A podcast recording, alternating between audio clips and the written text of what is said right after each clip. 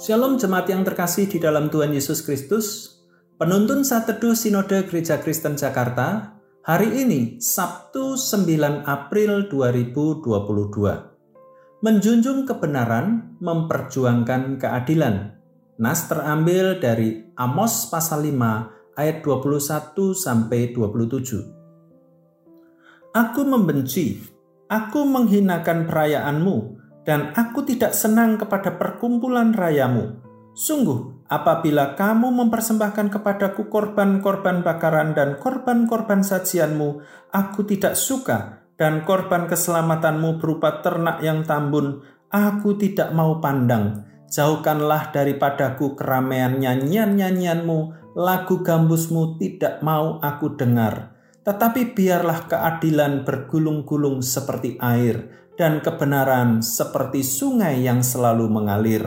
Apakah kamu mempersembahkan kepadaku korban sembelihan dan korban sajian selama 40 tahun di padang gurun itu, hai kaum Israel? Kamu akan mengangkut sakut rajamu dan kewan dewa bintangmu, patung-patungmu yang telah kamu buat bagimu itu, dan aku akan membawa kamu ke dalam pembuangan jauh ke seberang Damsik, firman Tuhan yang namanya Allah semesta alam. Bila saya boleh mencoba menulis ulang nas di atas dalam konteks bergereja masa kini, bunyinya kira-kira akan seperti ini.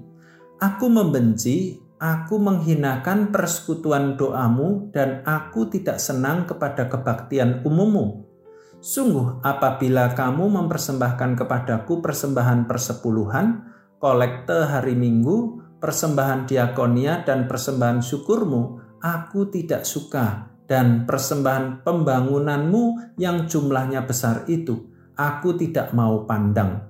Jauhkanlah daripadaku keramaian pujian dan penyembahanmu, nyanyian-nyanyianmu tidak mau aku dengar. Sebab lebih dari semuanya itu, Aku ingin melihat keadilan bergulung-gulung seperti air dan kebenaran seperti sungai yang selalu mengalir keluar dari hidupmu. Apakah Anda menangkap pesan utama dari ayat-ayat itu? Apakah itu berupa penolakan Tuhan atas ibadah umatnya?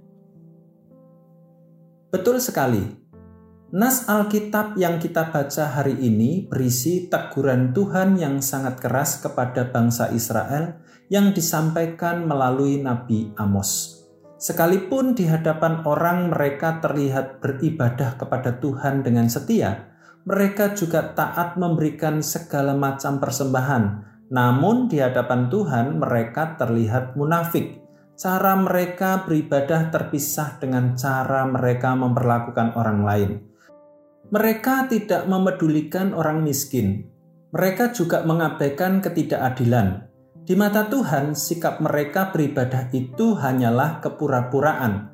Tuhan mengingatkan bahwa hubungan yang benar dengan Tuhan yang mendasari ibadah umat Tuhan seharusnya membawa perubahan sikap dalam hubungan dengan sesama. Ibadah sejati yang diinginkan Tuhan dari umatnya adalah membiarkan keadilan bergulung-gulung seperti air dan kebenaran seperti sungai yang selalu mengalir. Hal ini menegaskan dua sikap yang seharusnya nyata dalam hubungan kita dengan sesama. Kedua sikap itu menandai ibadah yang sejati kepada Tuhan. Mereka yang beribadah kepada Tuhan akan menjunjung tinggi kebenaran. Artinya, kita mengupayakan dan memelihara sikap yang adil dalam memperlakukan sesama tanpa membedakan status sosial Sikap yang kedua adalah memperjuangkan keadilan. Artinya, kita melakukan tindakan-tindakan nyata untuk membereskan ketidakadilan dan menyatakan kebenaran. Biarlah ibadah kepada Tuhan yang kita lakukan dengan kesungguhan hati dan persembahan yang kita berikan kepada Tuhan juga selaras dengan sikap kita kepada sesama. Sikap menjunjung tinggi kebenaran dan memperjuangkan keadilan. Sesungguhnya itulah ibadah yang berkenan di hati Tuhan. Ibadah dan persembahan yang kita berikan pada Tuhan tidak berkenan di hatinya apabila kita tidak berlaku benar di hadapan Tuhan dan bersikap adil pada sesama. Selamat beraktivitas, Tuhan Yesus memberkati.